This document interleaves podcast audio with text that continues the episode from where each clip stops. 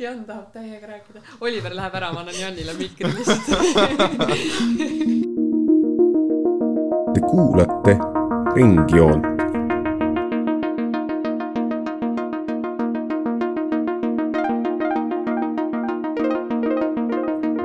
joon ringis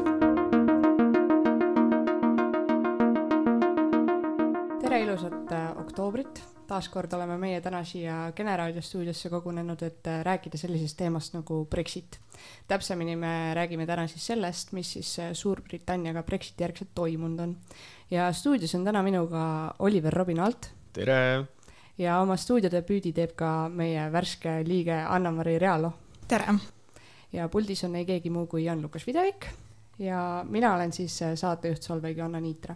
Aga enne, kui me hakkame lahkama tänaseid sündmusi, põikaks ma tegelikult hetkeks äh, tuhande üheksasaja seitsmekümnendatesse aastatesse. miks tuhande üheksasaja seitsmekümnendatesse aastatesse? sellepärast, et äh, tuhande üheksasaja seitsmekümnendad, eriti nende esimesed aastad, olid aeg, mil töötuse määr oli Suurbritannias tegelikult rekordiliselt madal ja sama võib tegelikult äh, näha ka aastal kaks tuhat üheksateist, mil töötuse määr oli järjekordselt rekordiliselt madal. Aga samal ajal, kui me mõtleme Inglismaale ja seitsmekümnendatele, siis äh, me seostame seda tavaliselt üleriigiliste streikidega, suurte prügihunnikutega linnades, elektrikatkestustega, inflatsiooniga, kõige sellega. Seitsmekümnendate tragöödia tegelikult algas naftakriisist ja paljud äh, riigiteadlased, ajaloolased on nafta hindade tõusu seostanud uusimas ajaloos just nagu sellise majanduskasvu pärssimisega ja sellise noh, dominoefektiga, mis viib kaoseni seitsmekümnendatel siis naftakriisist ajendatult hakkasid äh, ettevõtted kõigepealt töötajaid lahti laskma ning äh, tööliste palgad ei suutnud kiireneva inflatsiooniga enam sammu pidada. ja see kõik viiski siis Suurbritannia üsna kiiresti kaoseni, millest siis aitas äh, neid välja ei keegi muu kui Margaret Thatcher ja Thatcher oli siis tegelikult ka üks sellise ühise Euroopa kaubandusvõrgustiku idee üks eestvedajaid ja täna me siis näeme Brexiti ehk Euroopa Liidust lahkumise šokist tulenevat kaost äh, Suurbritannias uuesti. ja keegi kommenteeris kuskil netis, et Thatcher pööraks ennast hauas ringi, kui ta kuuleks äh, sellisest asjast nagu Brexit. ja hetkeseisuga siis on Briti naela väärtus järjekordselt üsna nagu madalale kukkunud, eriti madal oli see aastal kaks tuhat kakskümmend ning finantsanalüütikud näevad eesootavat inflatsiooniohtu poeletid on tühjad, sest pole piisavalt töötajaid, kes tarneahelat elus hoiaks. ja ka naftapuudus on hinnad rekordkõrgustesse kergitanud, et kui maailma keskmine nafta hind on praegu üks koma kakskümmend dollarit, siis ähm, Suurbritannias on see, kui ma ei eksi, siis äh, üks koma kaheksakümmend üheksa. Ja selle kõrval maadlevad britid endiselt siis ka koroonakriisiga. Ja ma küsikski siis teilt, et mis siis toimunud on, kuidas see kõik on selleni jõudnud ja millest see kõik tuleneb? okei okay,, äh, ma räägin siis veidi majandusest siinkohal. kuna Brexit teatavasti toimus äh, esimesel jaanuaril kaks tuhat kakskümmend, siis sellega kaasnesid ka igasugused tariifid, maksud, noh, igasugused takistused siis impordile ja ekspordile. huvitav äh, selle asja juures on see, et Ühendkuningriigi valitsus kindlalt spetsiifiliselt andis teada nendest maksudest rahvale umbes kuu aega enne äh, Brexiti toimumist. mida see siis, mida see siis tähendas ärimeestele ja äridele ja üldse sellele kogu import-eksport värgile, tähendas seda, et äh, oli küll muidugi ärisid, firmasid, kes suutsid äh, ennast kohandada, võtsid kokku ennast, tegid igasugused muudatused oma äriplaanis, et äh, Brexiti impact oleks võimalikult väike. aga neid ärisid ja firmasid oli väga vähe oluliselt rohkem oli inimesi ja firmasid, äh, kes seda ei teinud. kahjuks äh, tähendab see seda, et äh, Ühendkuningriigi majanduses praegu on importide osakaal langenud kakskümmend kaheksa protsenti ja ekspordid lausa nelikümmend üks protsenti. et see, see ei ole, see ei ole kohe üldse hea Ühendkuningriigi majandusele. võiks ka välja tuua seda, et jah toimub äri veel siiamaani äh, Euroopa Liiduga, aga see on nagu oluliselt väiksemal skaalal, kui see oli Euroopa Liiduga koos, et äh, Euroopa Liit ju teatavasti on majanduslik liit, et kui Brexit reklaamis seda kui sellist röövlikampa või, või, või mingisugust ideoloogilist liitu, siis üldjoontes ikkagi ütleme, et Euroopa Liit on majanduslik liit. ja minnes tagasi selle juurde, mis ma enne ütlesin, et ärimehed ei suutnud ennast kohandada piisavalt, et nende meetmetega siis kaasa minna. Öeldakse, et see on last minute deal äh, kohaliku rahva seas, et näiteks võib välja tuua niisuguse sektori nagu kalandus kalanduses on äh, tegelikult niimoodi, et Ühendkuningriigi inimesed teatavasti ei ole kõige suuremad kalasõbrad ja ligi kaheksakümmend protsenti kalast, mis püüti Ühendkuningriikides, mis äh, toodeti tehastes, kalatooted, igasugused toidud, need äh, kohalikul turul ei leia oma kohta. väga suur probleem on nüüd see, et kalamehed ju ka tahavad äh, ikka süüa, leib on vaja lauale tuua, aga kellele nad seda kala müüvad, kui anti kuu aega selleks, et nüüd ennast ümber kohandada, kuu aega ainult, et leida uued äripartnerid, siis võib kindlalt öelda, et vähemalt üheksakümmend protsenti nendest kalameestest ei suutnud leida omale uusi partnereid, et tegelikult Euroopa Liit väga suurel määral väga,, väga-väga suurel määral äh, aitas neid kalureid. aga kas ma saan siis õigesti aru, et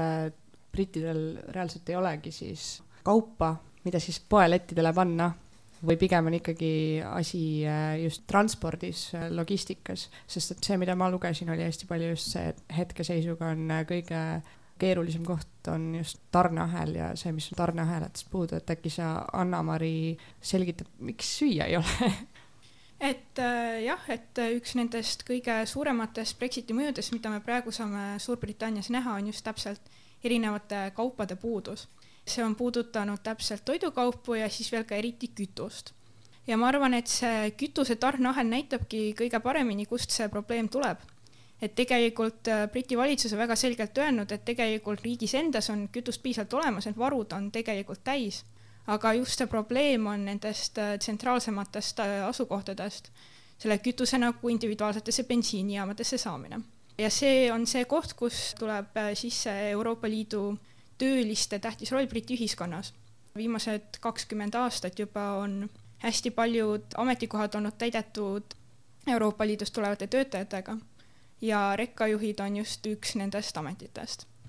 me teame, et koroona ajal läksid hästi paljud töölised oma nii-öelda kodumaale tagasi ja nüüd Brexiti tõttu ei ole nad suutelised Suurbritanniasse tagasi saama, sest nüüd on vaja viisat ja mida paljud neist ei ole saanud. ja see tähendabki, et tegelikult on äh, suur tööjõupuudus selles logistika valdkonnas ja siis sellest tulenevalt ongi olukord, kus teatud kaubad ei jõua kohale sinna, kuhu nad peaksid jõudma. Aga kas tarneahelate toimimine ei ole häiritud hetkel äh, kõikides Euroopa riikides, kas see on siis kuidagi Inglismaal siiski tugevamalt mõjutatud, kas selles saab täielikult süüdistada Brexitit? ei, ma arvan, et nagu me oleme ka, ma arvan, siin Eestis näinud, on tegelikult äh, globaalsed probleemid, mis äh, on osaliselt selle situatsiooni põhjustajad, aga ma arvan, et me ikkagi võime väga selgelt näha täpselt ikkagi Brexiti mõju selles tööjõupuuduses. et me Inglismaal näeme ka täpselt defitsiite produktides, mille tootmine tegelikult ei ole otseselt koroonaviirusest häiritud, et näiteks ma arvan, et Euroopa Liidus kuskil näiteks pudeliveega ei ole probleeme. Need on asjad, mida tegelikult toodetakse piisavalt, aga lihtsalt probleem on nende Suurbritanniasse kohale jõudmine ja ma arvan ka seda, et Brexiti mõju on ka näha just nendest Euroopa Liidust tulevate produktide puuduses. Ma arvan, et kui me räägime nagu toidukraamist, siis äh, on just probleemid nagu Euroopa produktidega. Need on need asjad, mis peaksid Suurbritanniasse jõudma nagu maad mööda läbi selle Dover-Calais crossingu ja see on just see, mida see tööjõupuudus kõige enam mõjutab aga kas see tööjõupuudus on äh, ainult siis veokijuhtides või kus on veel sellised murekohad, kus on hetkel kõige keerulisem? Tegelikult muidugi just selles koroonaviiruse kontekstis on ka üks murekohtadest haiglate staff ja just äh, meditsiiniõdede puudus, et juba räägiti enne koroonaviirust kahe tuhande üheksateistkümnenda aasta valimiste ajal, et Suurbritannial on puudu viiskümmend tuhat meditsiinipersonali või nagu meditsiiniõde et tegelikult Suurbritannia ise nii-öelda ei ole juba väga pikka aega treeninud piisavalt äh, sedasorti personali. ja need riigid, kust äh, enamust meditsiinitöötajaid tuli, oligi tegelikult Euroopa Liidu riigid nagu Bulgaaria ja muud sellised Kesk- ja Lõuna-Euroopa riigid. koroonaviirus on seda vajadust veel enam rõhutanud. Oliver, midagi lisada? otseselt sellele teemale mul ei ole praegu midagi lisada, aga tooks välja niisuguse huvitava asja, et äh, kui Suurbritannia valitsus siis hakkas seda Brexitit promoma, siis räägiti, et aa, kõik läheb nii hästi, kõik läheb super vingelt, noh. aga kui Brexit nüüd äh, tõesti on ära juhtunud ja inimesed hakkavad aru saama, et ahah, et tegelikult ei olegi nii hea, siis äh, sihuke Ühendkuningriigi valitsuse poolt vastuhakk on olnud näiteks sponsoreerida uudisartikleid. Et just täna hommikul vaatasin äh, paari artiklit, kus oli kirjas, et okei okay,, kontekst on umbes sihuke, et äh, väike tootja või sihuke väike ärimees räägib, kuidas Brexit on nii hea olnud ja valitsus on äh, igakülgselt aidanud ja valitsus ei ole kedagi hätta jätnud. ja siis artikli lõpus on hästi väikselt kirjutatud, et sponsored by the UK government. nagu see on veits, see on veits nagu sihuke äh, hirmuäratav asi, mis, mis toimub. Aga mis te arvate, spekuleeriksin natukene, et äh, mis te arvate, kas Bojo jääb võimule peale seda kõike, mis äh, toimunud on? ma ei usu. aga kas valimised kutsutakse enne, ennetähtaegselt kohale, nagu,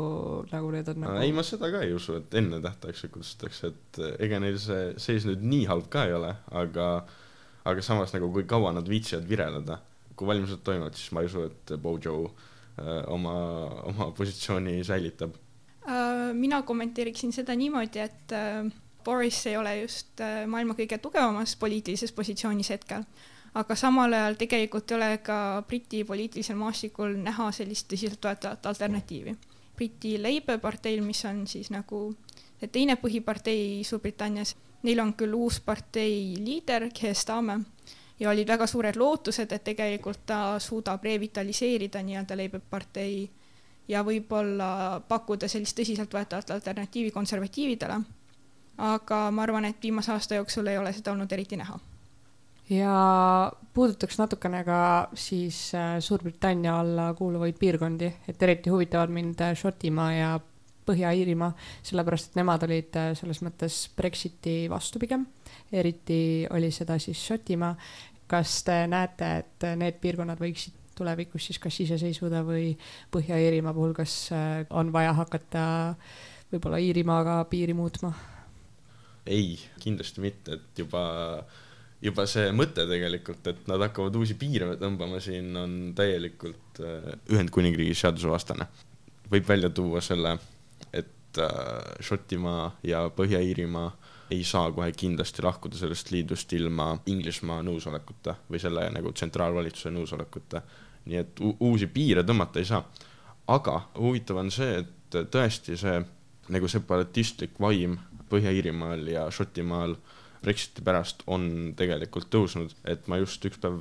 rääkisin ühe šotlasega ja tema ütles, et äh, inglaste ja šotlaste vaated sellele Brexitile on nagu öö ja päev et šotlased absoluutselt eelistaksid Euroopa Liitu ja igakülgselt nagu pigem toetavad koostööd, samas kui britid on nagu, et ei, et meie siin, meie siin juhime seda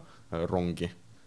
Mm, et ma vaatan praegu, et need referendumi tulemused olid tegelikult siis, eks ole, see, et Šotimaal kuuskümmend kaks protsenti hääletajatest oli siis äh, Euroopa Liitu jäämise poolt ja kolmkümmend kaheksa olid äh, siis äh, selle vastu ja Wales on muidugi ajalooliselt juba pikemat aega, eks ole, Inglismaa koosseisus olnud, et äh, vaevalt, et seal mingit separatistlikku vaimu väga on. kuigi pealinnas siiski hääletati sinna liitu jäämise poolt ja Põhja-Iirimaal oli siis viiskümmend viis koma kaheksa protsenti Euroopa Liitu jäämise poolt ja nelikümmend neli koma kaks protsenti selle vastu. et äh, ses mõttes Šotimaal tegelikult see võime iseseisvuda, ma arvan, et oleks olemas või, või mis, mis teie arvate, kas nad oleks better off? ma pigem ei ole nõus sellega, et neil on võime äh, iseseisvuda. mitte legaalselt, aga nagu ja, puht, puht selles mõttes, et neil on nagu selle jaoks, eriti kui nad astuks Euroopa Liitu, eks ole, et siis neil oleks nagu kaubanduspartnerid olemas, neil oleks nagu võime ses mõttes äh, edukad olla. ja ma pigem ei ole sellega ikkagi nõus, et äh, ma arvan, et äh, Šotimaa ja Inglismaa see vaheline side on äh, liiga tugev, et mingisugust äh, lahutamist korraldada, et ma ei ole nüüd kindel, mis aastal äh, Inglismaa ja Šotimaa ühendati, et kui keegi oskab välja aidata, siis juba sellest. tuhat seitsesada kaks, ütlen veel kõva häälega igaks juhuks üle. Et kui juba, juba peaaegu kolmsada aastat on olnud liidus ja räägivad sama keelt ja üldiselt kultuursed asjad seal kehtivad enam-vähem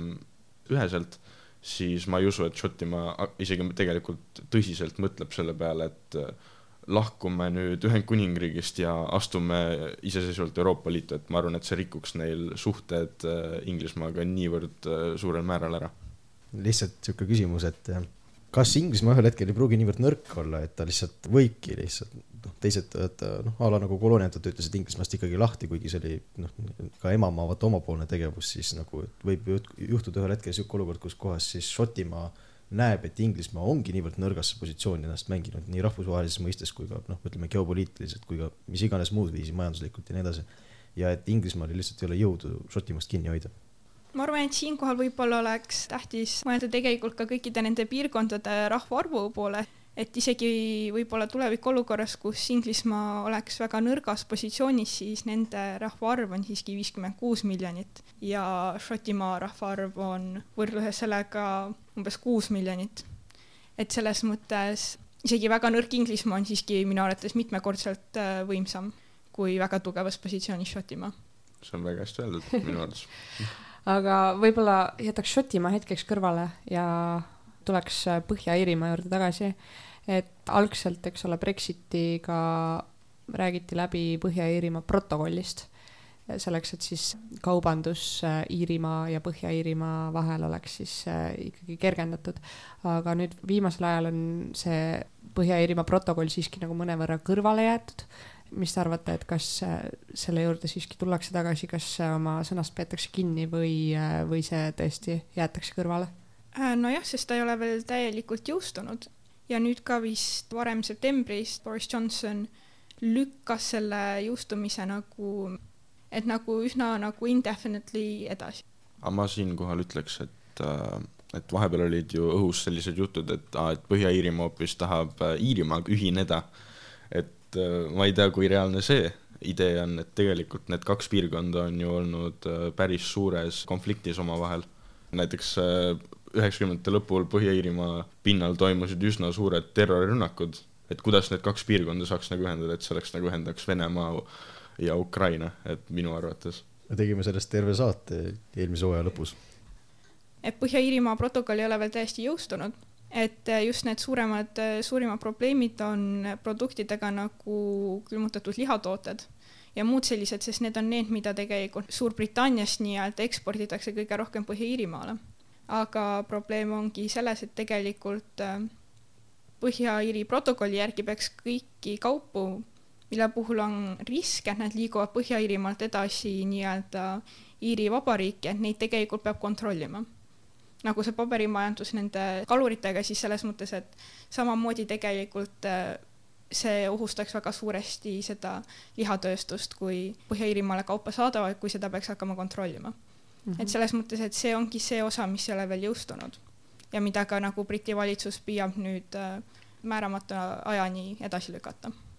aga kas nad ikkagi siis nagu jõuavad selle juurde lõpuks, et see nagu läheb läbi? Või nad lihtsalt lükkavadki seda edasi ja edasi ja edasi, kuni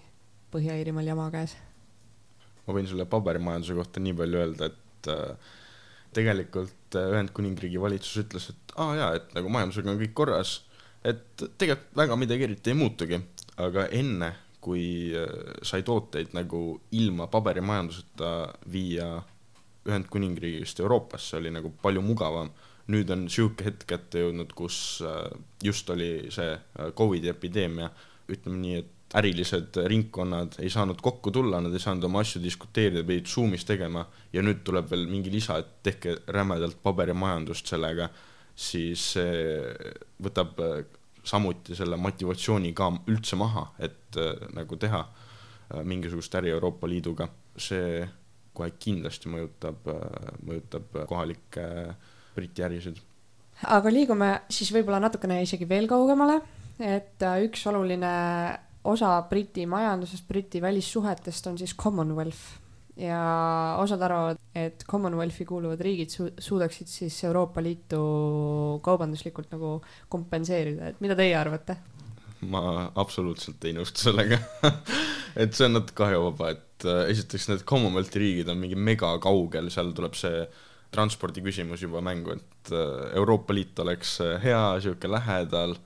mugav, kultuuriliselt ka kindlasti juba nagu lähemalt seotud, et need Commonwealthi riigid tegelikult on ju endised kolooniad, et ma ei tea, kas nad üldse tahavad Suurbritanniaga mingisugust äri teha aga tegelikult ju Commonwealthi riike ühendab Inglismaaga ju ühine keel, ühine õigussüsteem ja samuti on täheldatud, et äh, Euroopa Liidu keskmine aastane majanduskasv on tegelikult madalam kui Commonwealthi riikide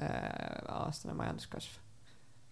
ma ei tea, kas ikkagi teeks neist reaalsed, äh, reaalsed Euroopa Liidu asendused, et ma arvan, et Commonwealth kindlasti on hea boonus, aga nagu selle peale ei saa tervet Ühendkuningriigi majandust laduda et võib-olla tõesti nagu riigid nagu India ja Lõuna-Aafrika ja Kanada, võib-olla mitte Kanada, aga nagu nende majandused tõesti kasvavad kiiresti. aga nagu ma arvan, et tõesti see geograafiline kaugus ja ka tegelikult see, mis nagu, millele nende riikide, Commonwealthi riikide majandused on üles ehitatud, et need kindlasti erinevad sellest, mida Suurbritannia vanasti sai Euroopa Liidust. aga kes siis need potentsiaalsed uh, uued kaubanduspartnerid ikka on, et mul on tundunud, et Bojo ikkagi üritab Euroopa Liidust siiski kõrvale vaadata, mis on minu arust suht halb eh, noh mm -hmm., public relations, sellepärast sa põhimõtteliselt kõige suuremale kaubanduspartnerile, kes sul on äh, jah, käitud nõmedalt vaata mm. -hmm. ma siinkohal juba ütleks niimoodi, et Bojo tegelikult tahaks, tahaks väga USA-ga Ameerika Ühendriikidega tahaks ta kaubandussidemeid luua, aga kuna nüüd on presidendiks Joe Biden, siis äh, Joe Biden äh, tahab tegelikult Euroopa Liiduga pigem häid suhteid hoida, et tahab seda Trumpi jama natuke korrastada ja tahab Euroopa Liiduga uuesti siuksed mõnusamad sidemed luua, et kui nüüd Ühendkuningriigid läksid Euroopa Liidust välja ja mõtlevad, et nad on nii võimsad üksinda, siis äh, Joe Biden ilmselt neile abikätt ei ulata pigem, et ta pigem toetab meid kui Euroopa Liitu. Äh, jah, ja Joe Bideni puhul oleks ka tähtis meeles pidada seda, et ta on Iiri katoliku päritolu ja selle koha pealt see Iirimaa, Põhja-Iirimaa konflikt on väga selline südamelähedane teema talle. Ja et on ka tegelikult tekkinud juba teatud konflikt just äh, Boris Johnsoni ja Joe Bideni vahel just selle Põhja-Iirimaa situatsiooni üle no sellest, et äh, Biden on Iiri katoliku päritolu, mina väga palju sellele tähendust ei paneks. et äh, pigem on lihtsalt lugu selles, et äh, noh, kui me vaatame seda Euroopa Liidu või USA administratsiooni suhtumist Euroopa Liitu, siis loomulikult Bideni eesmärk on hoida Euroopa Liit tugevana küll, aga nagu noh, nad ei väida ega ei taha hakata ümber pöörama siis seda olukorda, et Suurbritannia nüüd lähiaastatel peaks siis Euroopa Liiduga taas liituma. see on aktsepteeritud reaalsus, et see on nüüd kümneks, viieteistkümneks, kahekümneks aastaks on see kindlasti niimoodi, et äh, seal ei muutu midagi, et Suurbritannia on siis selles hallis tsoonis natukene kehvemas positsioonis kui näiteks Norra Euroopa Liidu suhtes, aga, aga nagu noh, see, et nende niinimetatud nominaalne iseseisvus on olemas, siis see ei muutu. küll aga, mis oli näiteks juba Trumpi ajast hakkas pihta, oli see, et äh, kui sa teed äh, bilateraalseid kokkuleppeid suurriigiga, siis suurriigil on tihtipeale lihtsalt tugevam võim selle asjade üle Euroopa Liit majandusplokina on, on siiski olnud nagu tugevam läbirääkimiste läbiviija, kuigi väga palju aeglasem võrreldes nagu üksikute riikidega, aga, aga nagu mis on olnud minu meelest Suurbritannia miinus alates sellest hetkest, kui nad Brexiti täitsid ja kui, ja veel alates sellest, kui Trump tuli võimule, oli minu meelest see, et USA hakkas eraldi igasuguseid tariffe ja makse hakkas Suurbritannia kaupadele peale panema. nii sinna viies kui ka sealt tulles. ja see on nagu Suurbritannia jaoks selline noh, päris tugevalt ikkagi nagu pükste maha tõmbamine, et et jah, nagu niisugune reaalne majanduslik äh, kahju on sellest tulnud. jah, retoorikas Trump oli kindlasti selle poolt, aga ta käitus nagu bilateraalse riigiga ikka sa suhtled, vaata, sa võtad maksimaalse oma kasu ja kui sul on see jõuvahekord on niivõrd tugevalt äh, USA kasuks, siis on väga lihtne sealt ka tõmmata nahku üle kõrvade. no kui palju brittidel siiski nagu majanduslikult selles mõttes pakkuda on, et mis on nende põhilised sellised ekspordineed ja kui kui me vaatame näiteks USA-d kui ekspordi, potentsiaalset ekspordipartnerit, siis nagu kas see ei oleks mitte lihtsalt tilk merre, see, mis Inglismaal pakkuda on? no see on umbes samamoodi öelda, et mispärast sa peaksid Saksamaal autosid tootma, kui sul on Ameerikas ka jumala suured auto, autotehased olemas. et äh, need on erinevad kaubad äh, samades kategooriates, mis tegelikult ringi mööda maailma liiguvad ja, ja Suurbritannia minu meelest äh, kõrgtehnoloogiliste ja eriti nagu ravimifirmade poolt on ta päris heal järel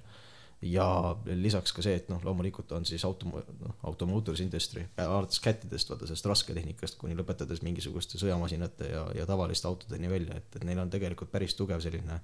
motoriseeritud tööstus või noh, ütleme, mis tegeleb tehnikaga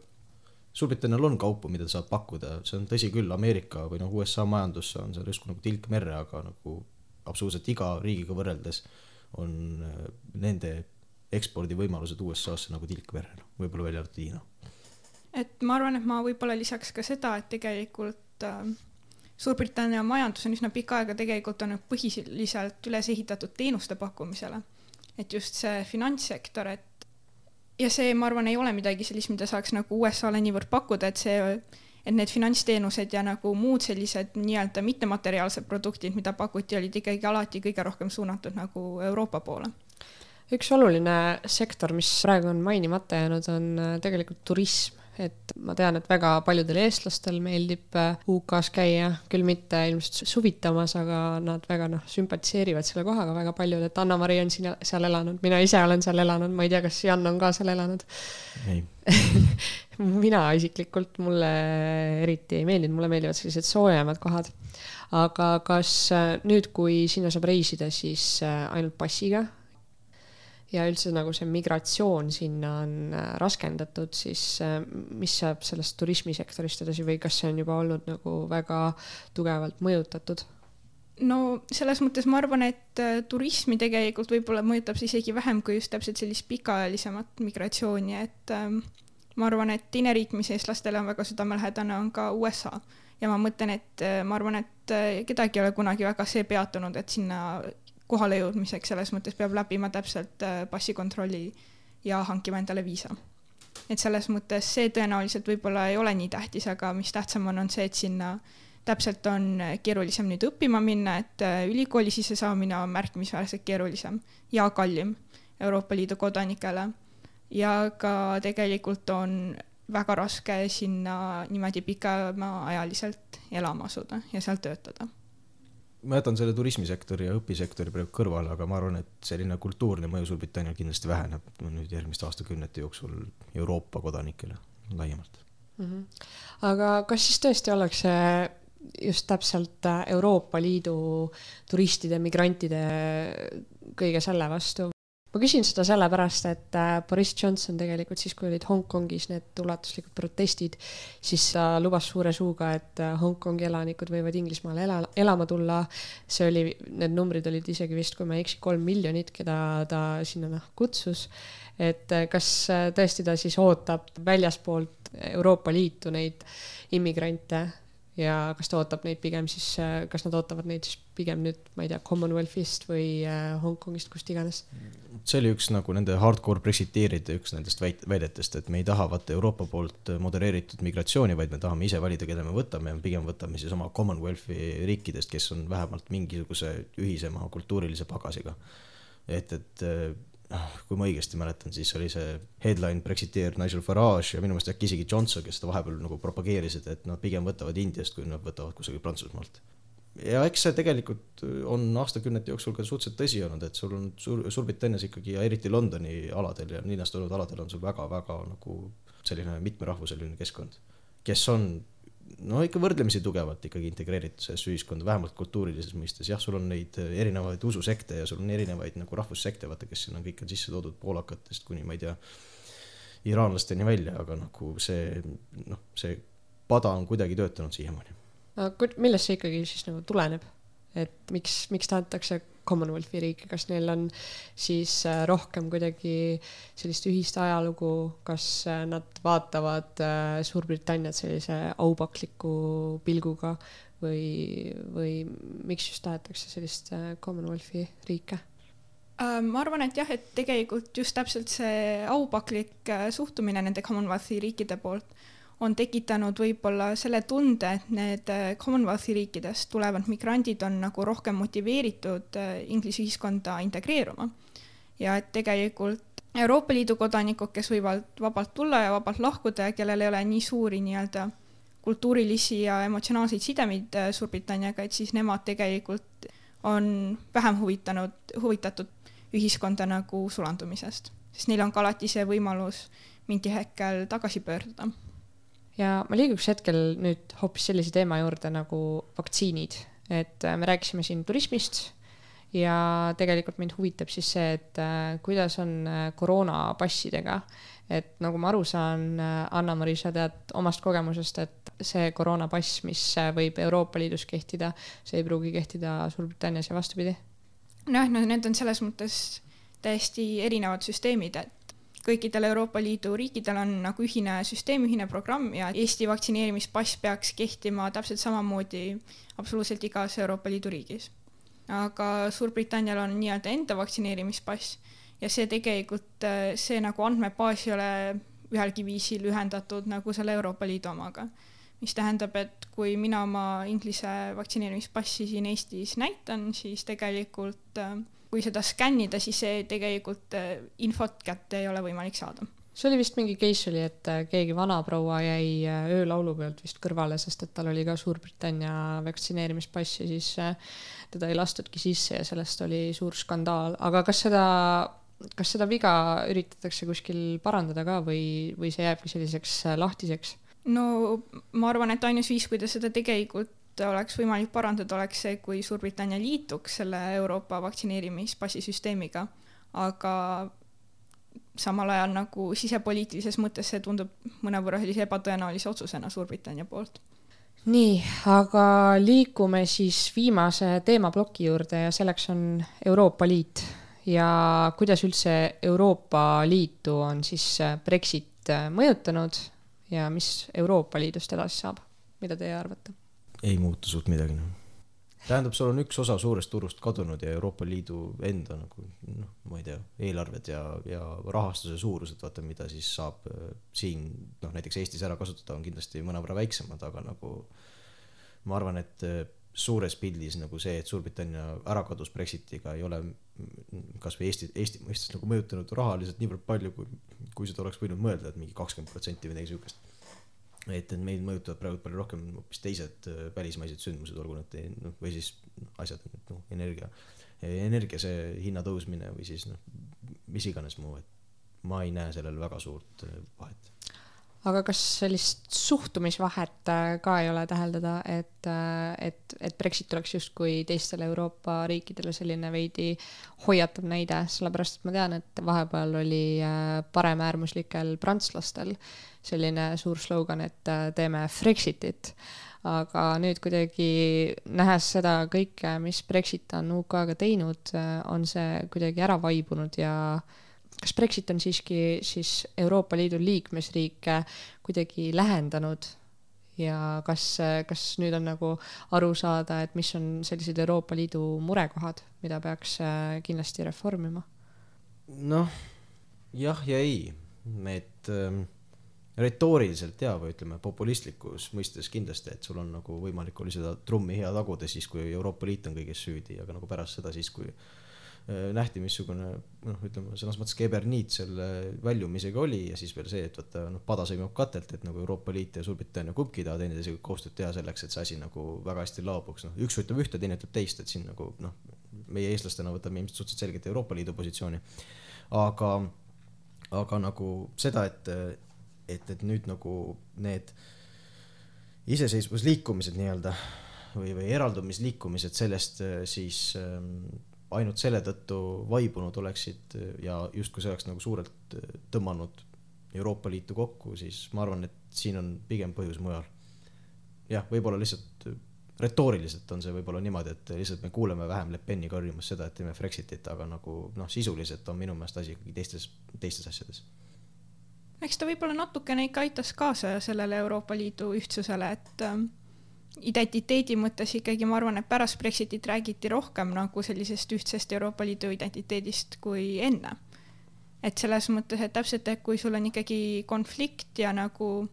kaks väga selgelt nagu vastanduvat osapoolt, siis ma arvan, et see ikkagi tugevdas nii Suurbritannia kui ka Euroopa Liidu nagu sellist äh, kokkuhoidu mingil määral natukene võib-olla ka seda, kuigi ma nüüd lihtsalt spekuleerin siin, aga et ma ei ole kuulnud niivõrd palju sihukest poliitilise uniooni nagu tekitamist Euroopa Liidu näol eh, pärast Brexitit, et see on nagu rohkem ikkagi jäänud sellisesse status quo'sse, et teeme sihukest majandusliitu ja meil on poliitiline liit ka nagu põhimõtteliselt selle otsas, aga mitte niivõrd tugev ja mitte niivõrd laienev, nagu see enne seda või siis kahe tuhande kümnendate keskel veel nagu tahtis olla. et, et eh, ilmselt nagu Euroopa Liit laieneb ka veel tulevikus, aga ta laieneb palju väiksemate sammudega ja siis pigem proovitakse lihtsalt hoida omasid eh, selles süsteemis, kuivõrd eh, lihtsalt kõike iseenda nagu alla saada. aga mida te ütleksite, ma võib-olla tegelikult küsiksingi seda viimase küsimusena, et mida te ütleksite nendele inimestele, kes on äh, täiesti kindlad, et Euroopa Liit kukub mingi järgmise kümne, kahekümne aasta jooksul kokku? mis tekitab olukorra, kus kohas süsteemid kukuvad kokku? või riigid kukuvad kokku, nagu riigid on isegi väiksem näide võrreldes sellega, mida me siis praegu siis tahaksime arutada. ma ütleks, et ebaõnnestumised. jah, aga nagu kui palju? Äh, no neid on ikka palju vaja ja ma arvan, et suurriikide poolt just eelkõige. ma ei hakkaks spekuleerima siinkohal. sest et äh, korraks lihtsalt tulles nagu tagasi kasvõi Suurbritannia enda näitele, mida me saate alguses arutasime, on siis see, et ta, Suurbritannia oli väga selges majanduslikus äh, kriisis või ütleme sellises allakäigus alates sellest hetkest või noh, kust kohast sa tahad seda tõmmata, viiekümnendatest, neljakümnendatest, kuuekümnendatest, kust iganes, kuni siis selle niinimetatud Thatcheri nagu võidukäiguni, onju. aga nagu seesama Thatcheri võidukäik tuli ka ju väga selgelt eh, teatud eh, inimeste arvelt ja, ja nagu need olid, noh, need olid tol hetkel võib-olla töötasid, aga nagu kas nad nagu praegu töötaksid, vaevalt onju. et eh, see on keeruline küsimus, mida kohe niimoodi ühe korraga vastata ja, ja, ja nagu kui Suurbritannia suutis sellest bounce back ida ja suutis ikkagi ennast suhteliselt edukaks majanduseks tekitada siin selle viimase neljakümne aasta jooksul, siis, ja ta on siiamaani edukas majandus, ta on siiamaani ju üks top kümne majanduses, kui ma õigesti mäletan. et, et ta ei ole kuhugi kadunud ja nüüd hakata justkui seda väitma, et, et, et nüüd Brexiti tõttu on alanud mingisugune allakäigutrepp ka Euroopa Liidu jaoks, noh, me, me elame siin viis aastat hiljem post-Brexit maailmas, paistab, et mitte eriti palju. ma võib-olla siia lõppu ütleksin siis sellise tsitaadi, mis pärineb äh, Georg äh, Riikeliselt, kes on siis äh, oluline Brüsseli ninamees. erinevates riikides valitseb siis erinevat sorti kurbus, aga britte igatsetakse vähem, kui arvati, et hakatakse igatsema. ja siinkohal ma tegelikult ka selle saate lõpetaksin, aitäh, et te olite minuga siin stuudios ja aitäh, et te meid kuulasite ja peatse nägemiseni